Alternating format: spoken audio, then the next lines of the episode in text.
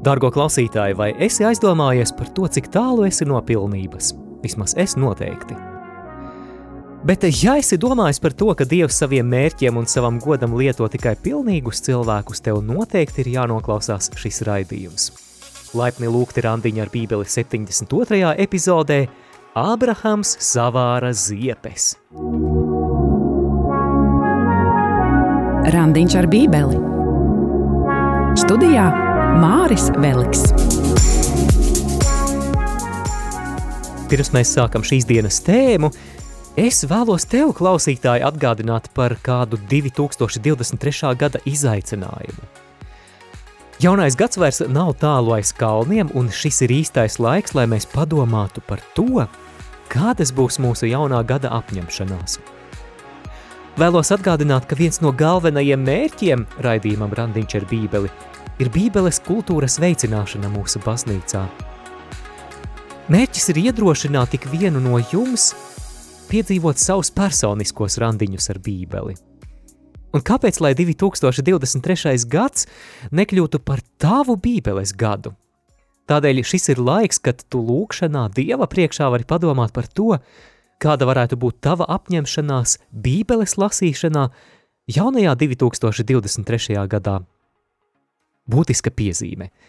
Šis noteikti nav aicinājums izlasīt Bībeli no vāka līdz vākam gada laikā, tad, ja tu esi iesācējis.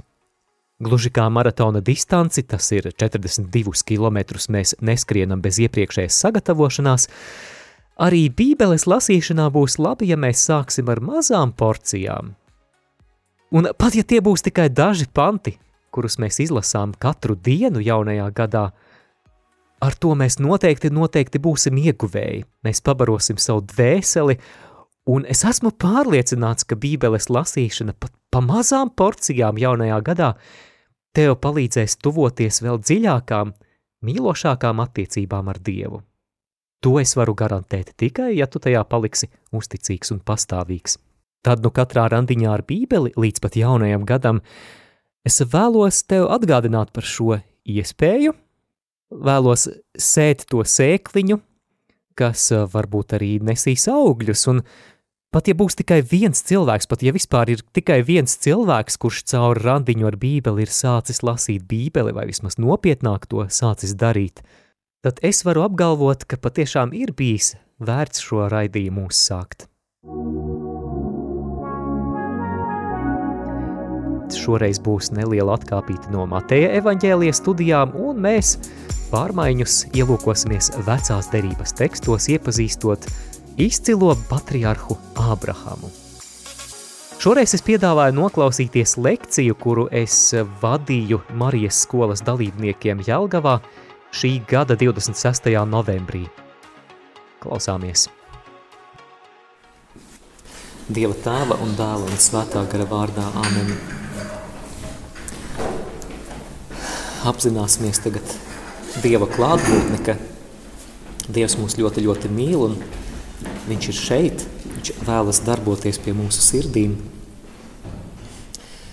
Jā, Dievs, mēs Tevi mīlam, mēs Tevi slavējam, mēs pēc Tevis ilgojamies. Dievs, mēs lūdzam piepildi šo vietu ar savu svēto garu. Nāc, kungs, svētais gars. Šeit mēs esam tavā priekšā, šeit ir mūsu sirdis. Mēs eh, lūdzam, lai tu tās dari dzīves, lai tu tās dari atvērtas. Nāc svētais gars. Nāc svētais gars, nāc.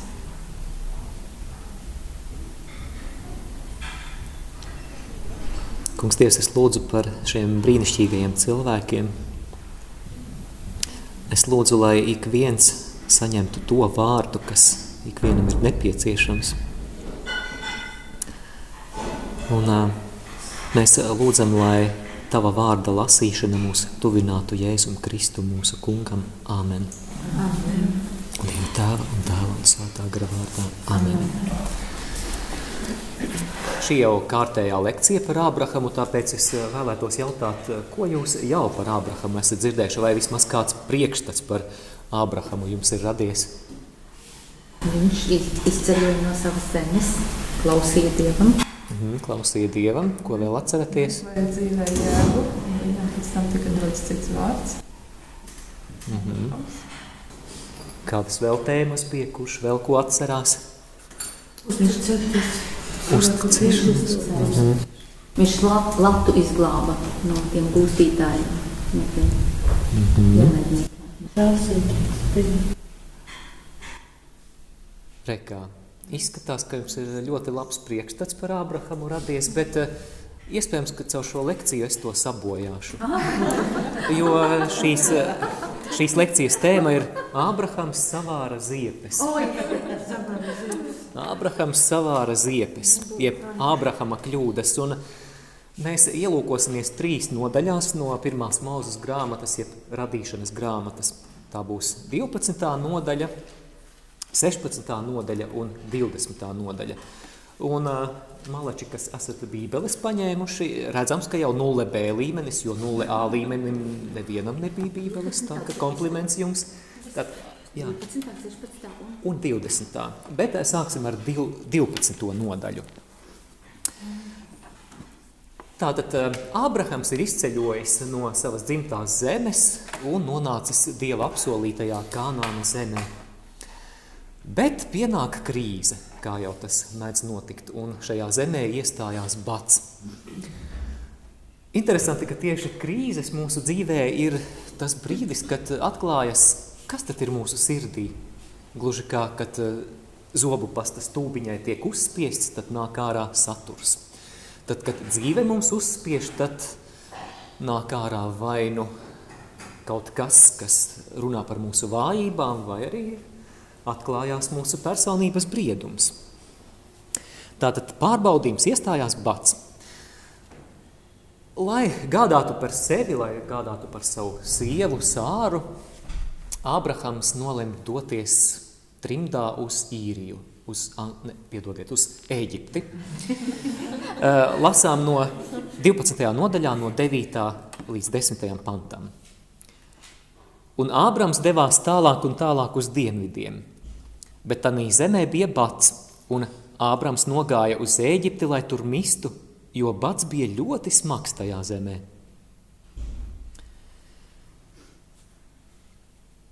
Kur šeit ir problēma? Pirmajā brīdī tā nav acīm redzama, bet es vēlos uzdot kādu jautājumu. Vai Dievs aicināja Ābramu uz jau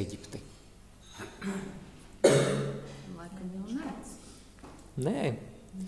Viss, ko mēs šajā 12. nodaļā esam lasījuši jau iepriekš, ir tas, ka Dievs viņu aicināja uz Kanāna zemi, piemēram, 7. pants. Un tas kungs parādījās Ābramam un sacīja, taviem pēcnācējiem es došu šo zemi. Viņš nesaka, taviem pēcnācējiem es došu Ēģipti. Dievs viņam par Ēģipti neko nav teicis. Par ko liecina šis Ābrahama solis? Ka šis eh, izcilais dieva vīrs bija arī ar savām vājībām, ar saviem garīgās krīzes momentiem. Mēs šeit redzam, ka Ābrahamam acīm redzot trūkst paļāvības uz Dievu, trūkst ticības, ka Dievs par viņu parūpēsies. Kaut kādā ziņā tie brīži, kad mēs eh, neuztic, neusticamies, ka Dievs par mums gādās un ka mēs paši mēģinām izdomāt savus variantus, savas schēmas, ir tā, it kā mēs no tās kopējās bildes izslēgtu Dievu. Mēs neredzam, ka Dievs šeit ir klātesošs. Bet taču nav tā, ka Dievs būtu izvedis Ābrahamu no viņa dzimtās zemes, lai Ābraham, es tevi sūtīšu uz to kanāna zemi, un tev tur būs bats, un tu nosprāksi no, no bada. Nē, Dievs tāds nav. Un, uh, tomēr Ābrahamam sirdī iezogās šīs šaubas, un viņš dodas uz Ēģipti. Patiešām reizēm vieglāk mūsu dzīvē ir noticēt kādiem tāliem, ļoti gaisīgiem, teju vai abstraktiem apsolījumiem. Ābrahams jau ir saņēmis apsolījumus no Dieva. Jau bija kaut kas jums par apsolījumiem no Dieva? Bija Mm -hmm. par pēcnācējiem. Jā, par pēcnācējiem, mm -hmm, par zemi. Dievs teica, paskaties uz zvaigznēm debesīs. Lūk, tik tev būs pēcnācēji. Vai Tik cik smilšu jūrmalā, tik tev būs pēcnācēju. Un tomēr tajā brīdī, ko mēs saucam par tagad un šeit, reizēm ir daudz grūtāk noticēt tam, ka Dievs par mums var gādāt. Es vēlos arī šo tekstu savilkt kopā ar to, ko mēs lasām jaunajā derībā. Un, jā, varbūt kāds no jums varētu nolasīt Mateja evaņģēlijas sestās nodaļas fragmentu no 25. panta, kur Jēzus runā par raizēm. Jēzus aicina izbeigt raizēties par lietām, jo raizes galu galā neko mūsu dzīvē nepieliek. Nevienu, tātad Mateja evaņģēlijas sestā nodaļa no 25. panta. Kas varētu nolasīt? Tādēļ es jums saku, nezūdieties savas dzīvības dēļ, ko ēdīsiet un ko dzersiet, nec savas miesas dēļ, ko vilksiet mugurā. Vai tad dzīvība nav vērtāka kā barība un miesa, kā drēbes? Pavērojiet putnus debesīs, ne tie sēž, ne pļauj, ne savāc ražu šķūņos, jūsu debesu tēvs tos baro. Vai jūs nesat daudz vairāk vērti kā viņi? Kurš no jums ar savu zudīšanos var pagarināt savu mūžu kaut vai par olekti? Kādēļ jūs zudāties par savu apģērbu? Mācieties no lilijām pļavā, ka tās aug, ne tās nopūlis, ne vērķi. Bet es jums saku, pat Sālamans visā savā godībā nebija tā tērpies kā viena no tām. Ja nu Dievs pļavas zāli, kas šodien ir, bet rīt tiek iemesta krāsnī tā ģērbi, cik gan daudz vairāk jūs, jūs masticīgie. Tādēļ nezūdieties sacītami, ko ēdīsim, ko dzersim, ko vilksim mugurā, jo pēc visa tā pagāni dzenas. Jūsu debesu tēvs zina, ka jums visa tā vajag. Meklējiet vispirms Dieva valstību un viņa taisnību, tad jums viss pārējais tiks iedots. Mhm, paldies! Jēzus runā par pilnīgu paļāvību uz debesu tēva gādību, kuras, kā mēs šeit redzam, Ābramam vēl pietrūkst.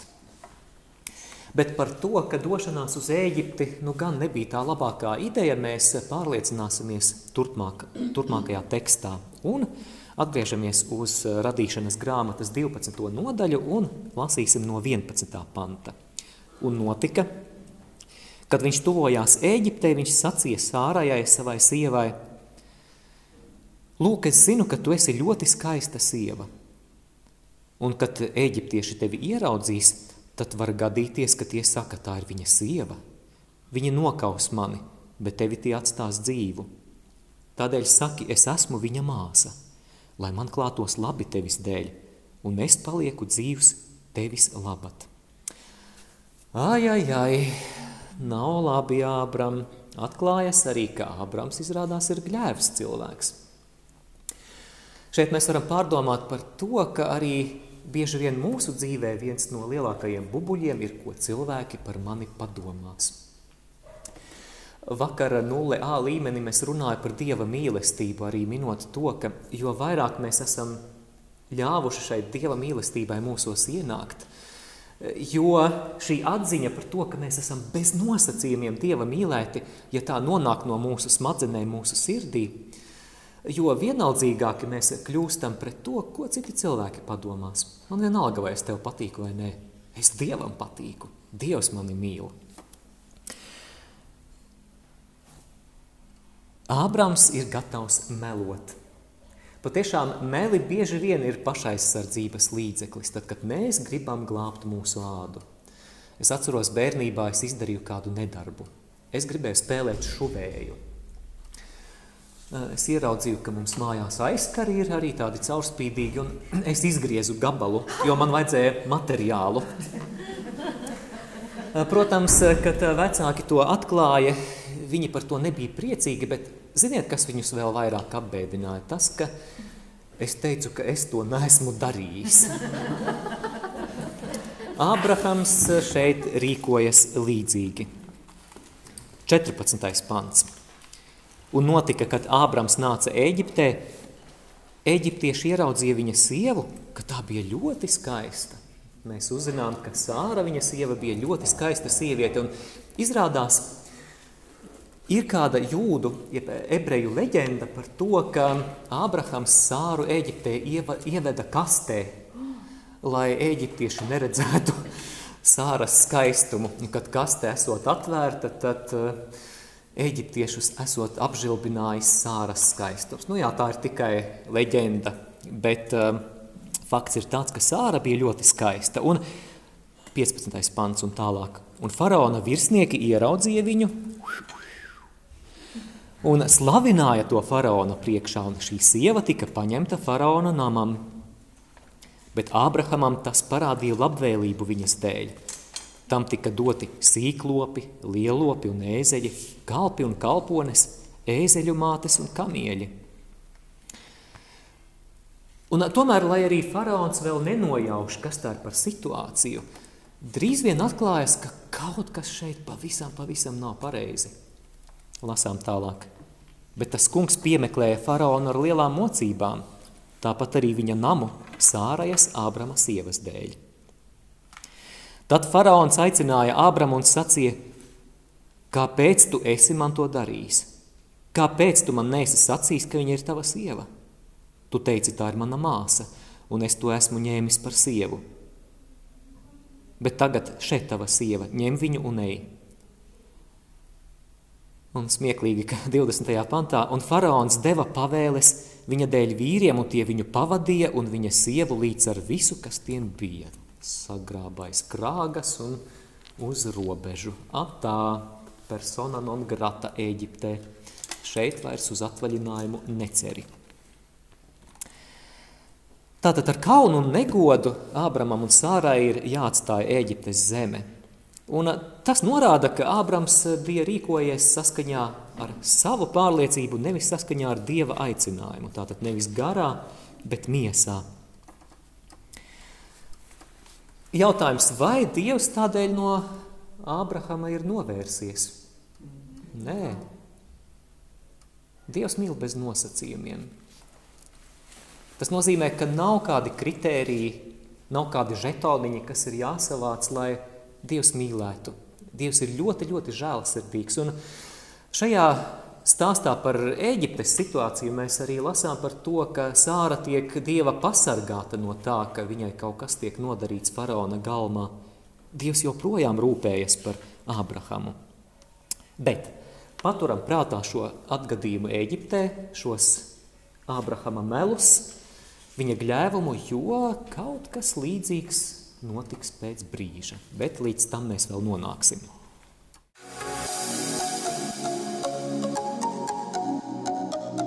skan Randiņš ar Bībeli. Turpinot runāt par to, kā Ābrams savā dzīvē savārīja ziepes, mēs pārceļamies uz radīšanas grāmatas 16. nodaļu. 16. nodaļa – Ismaēla dzimšana. Ābrams pieļauj vēl vienu kļūdu. Atcerēsimies, ka Dievs viņam ir devis apsolījumu par pēcnācējiem. Es lasīšu no radīšanas grāmatas 15. nodaļas 5. pantu. Viņš to izveda laukā un teica, palūkojies debesīs un skaiti zvaigznes, vai vari tā saskaitīt? Un viņš tam teica, tik tev būs pēcnācēju. Tātad Dievs Ābrahamam ir apsolījis pēcnācējus. Paiet viens gads, paiet divi gadi, paiet pieci gadi, nu jau pagājuši desmit gadi, un bērna nav. Pietiekami ilgs laika periods, varbūt mēs kaut ko esam pārpratuši, varbūt mums pašiem kaut kā citādāk ir jāvirza lietas uz priekšu, un Sārai dzimst ģeniāla ideja. 16. nodaļas pirmais pants. Bet Sāraja Ābrama sieva tam nebija dzemdējusi, un tai bija kalpone no Ēģiptes, tās vārds bija Hagara. Te mēs uzzinām par kalponi Hagari un uzzinām, ka viņa ir no Ēģiptes.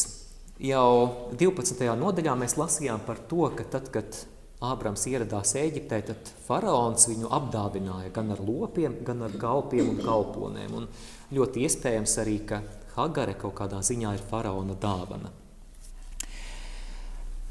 Otrais pants, un Sāra teica Ābramam, redzi, tas kungs man nav devis iespēju dzemdēt. Ej pie manas kalpones. Varbūt no viņas man tiks doti pēcnācēji un Ābrams paklausīja Sāras balsī. Ai, ai, ai. Vai tas mums kaut ko atgādina? Ja mēs atgrieztos pie pašiem, pašiem Bībeles sākumiem, pie radīšanas stāsta, pie grēkā krišanas stāsta, radīšanas grāmatas trešajā nodaļā, tad um, Ievas sirdī Sātans čūskas veidolā iedveš šaubas – šaubas par Dieva nodomiem. Ieva plūc aizliegt to labā un ļaunā atzīšanas koka augli, ko Dievs bija liedzis plūkt. Viņa ēt pati, un tad viņa pasniedz savam vīram Ādamam. Es lasīju kādā komentārā, un mani tas uzrunāja, ka līdzīgi šeit Sāra, kā Ieva šo aizliegto augli pasniedz savam vīram Hagari. Un kā balsī tad šoreiz Ābrams ieklausās vai Dieva balsī? Nē. Ābrams ieklausās Sāras balsī. Vecajā derībā gudra un dievbijīga sieva ir ļoti cildināta.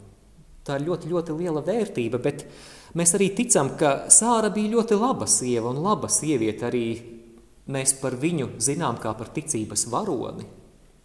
Arī uh, Vēstulē ebrejiem jaunajā derībā 11. nodaļā ir uzskaitīti vecās derības ticības varoņi, starp tiem ir arī ne tikai Ābrams, Abrahams, bet arī viņa sieva Sāra.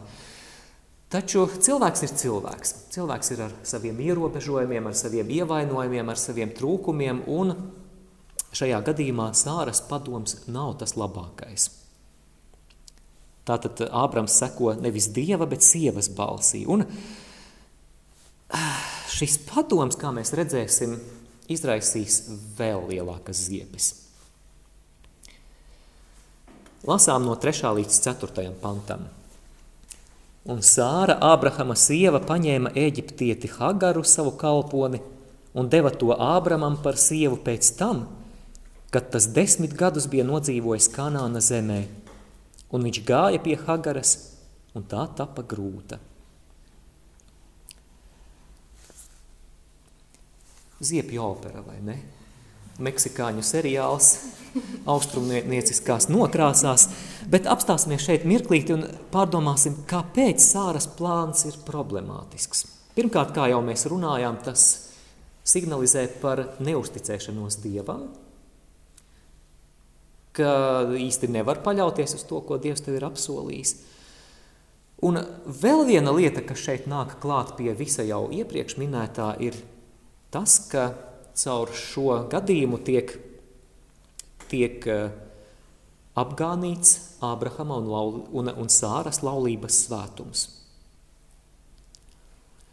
Un pirmā sliktās sekas šim Sāras plānam seko jau pavisam drīz.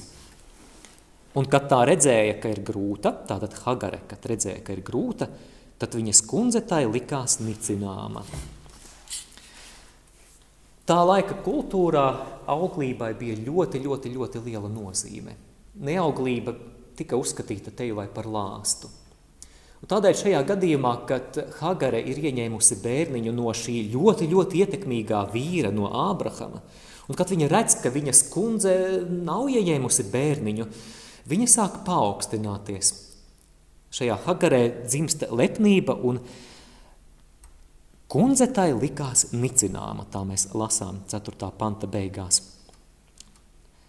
Tad Sāra sacīja Ābramam, lasām 5. pantā, Netaisnība, kāda man notikusi, lai nāk pār tevi, es esmu devusi savu kalponi tavā klēpī, bet, kad tā redzēja, ka ir grūti, es kļuvu nicināma, viņa sacīs, lai tas kungs tiesās starp mani un tevi.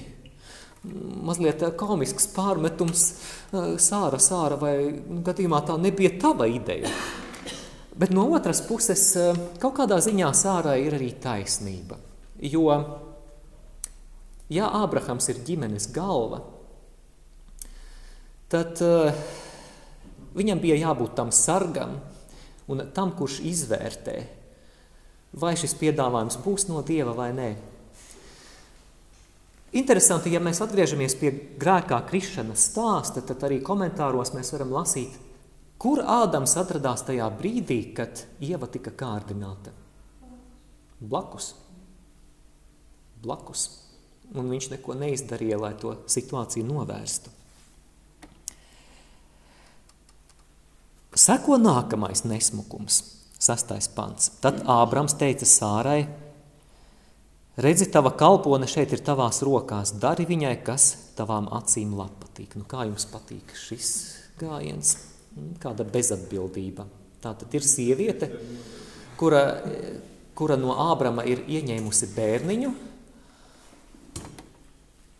un tagad Ābrahams ir gatavs no viņas vienkārši nu, tā pagrūst viņu maliņā, labi, dari ar viņu, ko gribi. Viņa ir tavā rīcībā. Bet Ābraham, vai tas nav tavs bērniņš, kas ir viņas miesās? Ābrams nemāk uzņemties atbildību. Ak, vai jau droši vien būšu pamatīgi sabojājis Ābrahama reputāciju, bet cerams, ka viss tiks ļoti labots. Septītais pants, tad Sāraja viņu pazemoja – Hagari pazemoja, bet viņa aizbēga prom no tās. Bet tā kunga eņģelis to atrada pie ūdens savota tuksnesī pie avota ceļā uz šūru. Tālāk mazliet saīsināsim šo stāstu, bet, manuprāt, mācība, ko mēs redzam no stāsta turpinājuma, ir tā, ka Dievs pat mūsu kļūdas var pagriezt svētībā. Dievs no, no jebkuras neveiksmes var izvilkt kaut ko labu. Jo nav tā, ka tagad šis nabaga bērniņš, kas piedzims Hagarei, kuru vēlāk sauks par Ismēlu, ka viņš būs Dieva atmests un nosodīts. Nē, mēs tieši lasām pretējo no 10. līdz 11. pantam. Un kunga eņģelis sacīja uz viņu, es vairodams vairošu tavus pēcnācējus, un tie nebūs saskaitāmi lielā daudzuma dēļ. Kaut kas līdzīgs arī apsolījumam, ko Dievs ir teicis Ābrahamam. Un tā kunga eņģelis sacīja uz viņu, redzi, tu esi grūta, un tu dzemdēsi dēlu, un sauksi viņu vārdā Ismēls, jo tas kungs tevi ir uzklausījis tavās bēdās. Tātad, lai arī Ismēls, Hagaras, Hagares dēls, nav mantinieks, tas nav tas apsolījuma bērns, bet Dievs tik un, tik un tā viņu izvēlas svētīt. Tik un tā. Eh, šis apsolījuma dēls būs īzaks, kurš piedzims vēl tikai pēc 14 gadiem. Starp citu, Ismails ir arābu priekštecis, ciltstēvs. Gluži kā Īsaks ir Izraēļa tautas ciltstēvs. Un tā traģiskā eh, situācija ir tā, ka ja mēs paskatāmies tuvo austrumu konfliktus, tad mēs redzam, ka tās brāļu tautas ir diezgan naidīgās attiecībās, un mēs jau tos pamatus redzam arī tālāk Bībeles stāstā.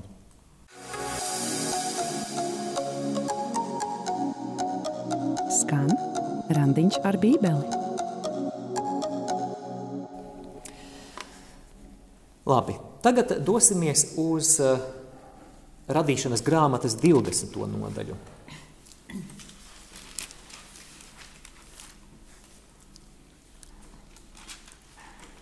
20. nodaļa, vēl viens kritiens – Abrahāms un Abimelehs.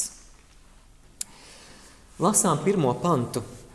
No turienes Ābrahāms devās uz kādu zemi dienvidos, kur apmetās dzīvot starp Kedemu un Šūru, un uzkavējās kā svešinieks Gerārā. Un kā jūs domājat, kā Gerārā rīkojas Ābrahams? Un Ābrahāms sacīja par Sāru savu sievu – tā ir mana māsa. Tad Gerāras ķēniņš Abimeleks sūtīja un paņēma viņu. Vai kaut kas nesen jau nav dzirdēts? Ir vairākas atziņas, ko mēs šeit varam gūt. Pirmā atziņa, ka mūsu vājības vai mūsu tendences, tas, kas ir mūsu kārība, tas, kas ir mūsu ahilēja papēdis, liek atgriezties pie viena un tā paša grēka. Un vēl interesants moments. Interesanti, ka mūsu grēcīgās noslieces var pat tikt pārmantotas no paudzes paudzē, jo, ja mēs tālāk lasītu Bībeli, ja mēs lasītu par Ābrahama dēlu Īzaku, Īzaks vienā dzīves situācijā rīkojas identiski. Viņš savu sievu Rebeku uzdot par savu māsu. Reizē mums ir vajadzīga iekšējā dziedināšana tajās jomās, kas ir nesakārtotas un kas mūsu dzīvē ir kā klupšanas akmens. Un šeit var palīdzēt gan, gan izlīkšanas sakraments, brāļu un māsu kopiena, atklātība eh, un eh, gatavība arī atzīt savu vainu, kas, kā mēs tālāk tekstā redzēsim, īsti nepiemīt Ābrahamam. Otrā atziņa – laiks pats par sevi nedziedina. Iespējams, esat dzirdējuši teicienu, es pats to esmu kaut kad izmantojis, ka laiks dziedina. Nevienmēr laiks dziedina. Laiks pats par sevi nedziedina. Varbūt tā, ka e, jaunībā mums ir kādas negatīvas rakstura īpašības, kādas tendences, un Vēlāk, kad mēs sasniedzam 86 gadus, mēs nemaz neesam mainījušies. Tas, kas mūs maina, tas, kas mūs pārveido, ir Dieva žēlastība. Tad, kad mēs pilnībā ļaujamies šai Dieva pārveidojošajai žēlastībai, Viņa mīlestībai, tad kaut kas mūsu dzīvē mainās. Bet arī šoreiz eh, Gerārā pie šī abimeleha, neraugoties uz Abrahama grēku, Dievs viņu un sāru sargā nepieļaujot grēcīgu sakaru starp šo ķēniņu Abimelehu un Sāru. Turpinām no trešā panta. Bet Dievs naktī parādījās Abimeleham kādā sapnī un sacīja tam: Redzi, tev jāmirst tā sievas dēļ, kuru tu esi paņēmis, jo viņa ir precēta sieva.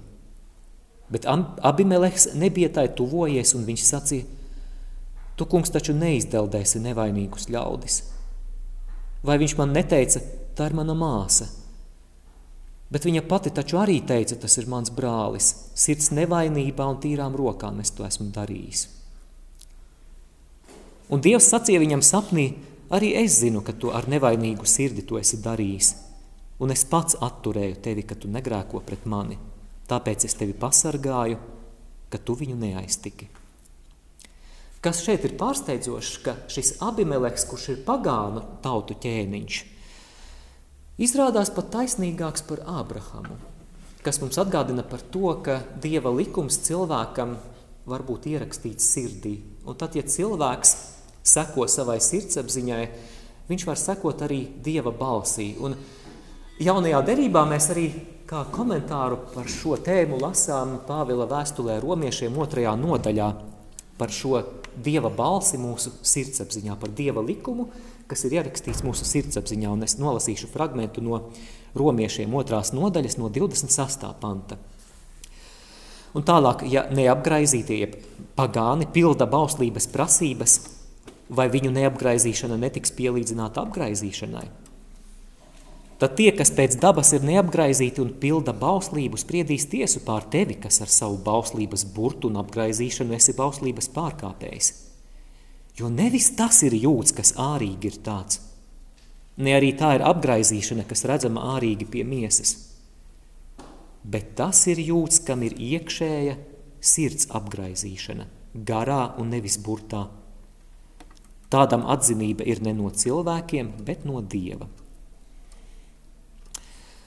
Atgriežamies pie pirmās mūzes grāmatas 20. nodaļas. Turpinām ar 7. pantu, bet tagad atdod šo sievu viņas vīram, jo viņš ir pravietis. Viņš lai aizlūdz par tevi, tad tu paliksi dzīvs. Bet ja tu viņu neatdosi, tad zini, tu mirdams mirsi, tu un viss, kas tev piedara. Un Abimeleks no rīta steigšus sasauca savus kalpus un viņiem atklāti izstāstīja visu, kas bija noticis, un vīri ļoti izbijās. Tad Abimeleks ataicināja Ābramu un sacīja viņam, kāpēc tu mums to esi nodarījis? Vai es kādā lietā pret tevi biju noziedzies, ka tu pār mani un pār manu valsti esi uzlicis tik lielu vainu? Tā mazliet dzenam uz priekšu no 11. panta un ieklausieties Ābrahama atbildē. Ābrahams varēja atbildēt šim Abimeleham, piedod brālīt. Piedod, es, es rīkojos kā pilnīgs gļēvulis. Es grēkoju pret tevi, es grēkoju pret Dievu. Lūdzu, lūdzu, lūdzu, piedod man.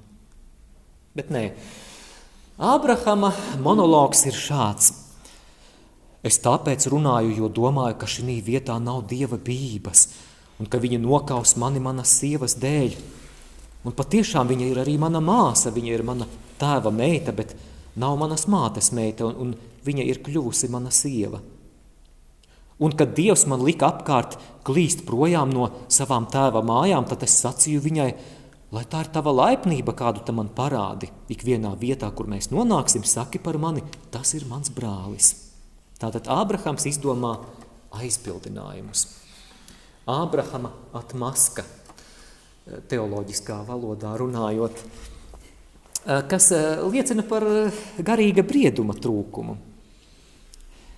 Un interesanti, ka 13. pantā Ābrahams te jau vai noveļ vainu uz Dievu, un es mēģināšu paskaidrot, kādā veidā.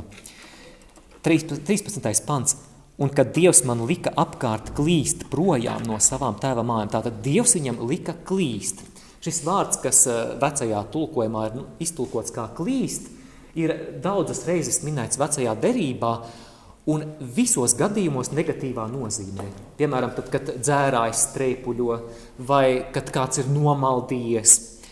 Tātad, un Dievs lika viņam klīst. Tātad, red, nu, Dievs, Dievs aiz tā visa stāv un atcerēsimies atkal grēkā krišanas stāstu radīšanas grāmatas trešajā nodaļā. Ādam, kāpēc tu to esi darījis?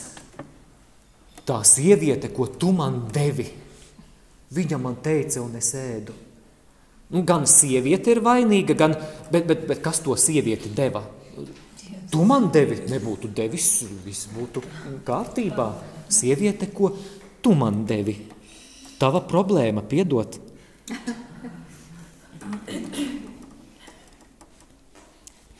Uh, mums nav daudz laika, tāpēc es saīsināšu, bet tālāk Abimeleks uh, sūtot projām Ābrahamu, Ābrahamu mēs lasām, ka viņš apdāvina Ābrahamu, dot viņam lielopus, sīklopus, kalpus un kalpones, un cik jocīgi, vai gadījumā Ābrahamam nebija tā jārīkojās. Un tomēr tas cilvēks, kurš ir saņēmis pāri nodarījumu no Ābrahama puses, viņš izrādās ļoti, ļoti augstsirdīgs. Un ko mums tas atgādina? Tas atgādina Jēzus vārdus sveitīt savus ienaidniekus. Vai vēstulē romiešiem 12. nodaļā no 19. līdz 21. pantam mēs lasām Neatriebieties paši mīļie, bet atstājiet vietu Dieva dusmībai, jo ir rakstīts, man pieder atriepšana. Es atmaksāšu, saka tas kungs. Bet, ja tavs ienaidnieks ir izsalcis, paēdini viņu. Ja tas cieši slāpes, dot viņam dzert. Tā darīdams, tu uz viņa galvas sakrāsi kvēlojošas ogles.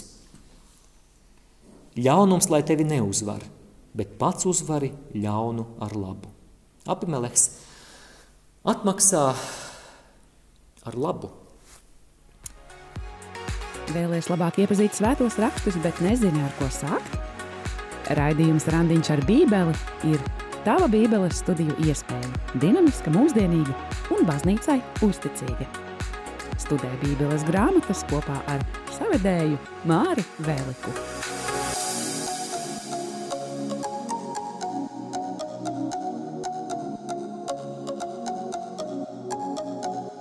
Un noslēgumā secinājumi. Kādu mācību mēs varam no šī teksta gūt?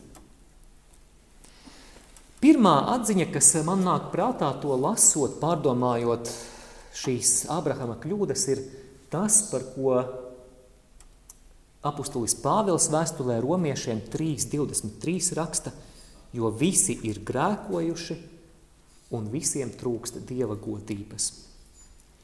Tas ir atgādinājums, ka ikvienam no mums, neraugoties no tā, vai mēs esam ticības varoņi vai nē. Mums visiem ir vajadzīga Dieva žēlsirdība. Arī tādi izcili ļaudis kā Ābrahams nav bez uh, savām melnajām biogrāfijas lapus, lapas pusēm. Bet otrā tēze, pie kā mēs nonākam, ka Dievs ir bezgala, bezgala žēlsirdīgs. Dievs ir ļoti, ļoti žēlsirdīgs. Interesanti, ja mēs par Ābrahamu lasām jaunajā derībā un atsauces uz Ābrahamu ir ļoti daudz, kur gan evaņģēlijos, gan vēstulēs, vēstulē ebrejiem.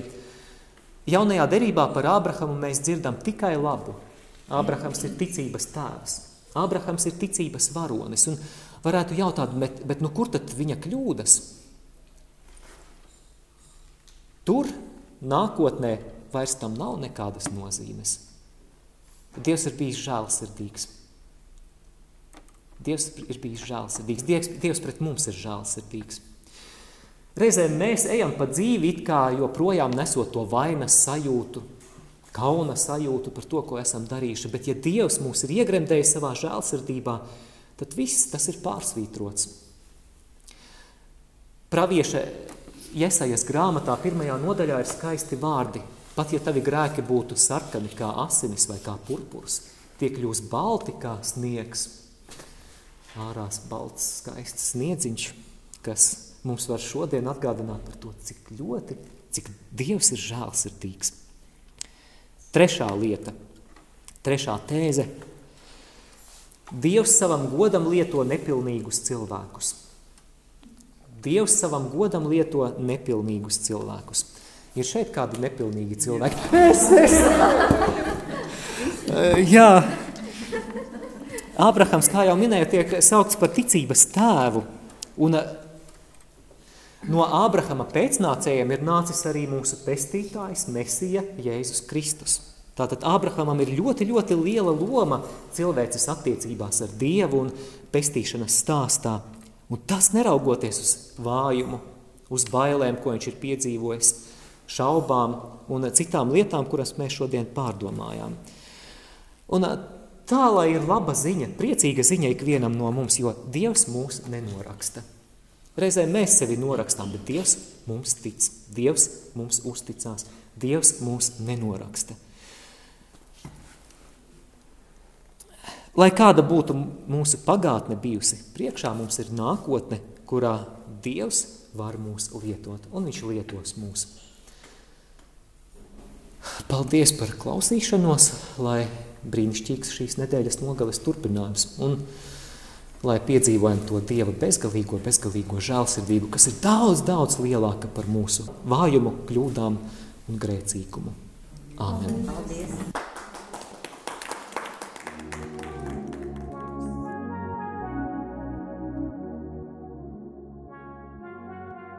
Paldies, mīļo klausītāji! Ja tev šis raidījums patika un ja tu to klausījies sociālajos tīklos, tad ielaiko, ieraksti kādu komentāru un padalies ar pārējiem, lai radio Marijas saturs nokļūst arī pie tiem, kas ikdienā radio neklausās. Jūs dzirdējāt manu lekciju Ābrahams savāra ziepes, ko es vadīju Marijas skolas dalībniekiem Jelgavā šī gada 26. novembrī. Un vēl pirms es atvados no jums, vēlos vēlreiz atgādināt par 2023. gada izaicinājumu. Padari jauno gadu par tavu bībeles lasīšanas gadu. Šis ir īstais laiks, lai izdarītu apņemšanos, ko mēs darīsim citādāk jaunajā 2023. gadā.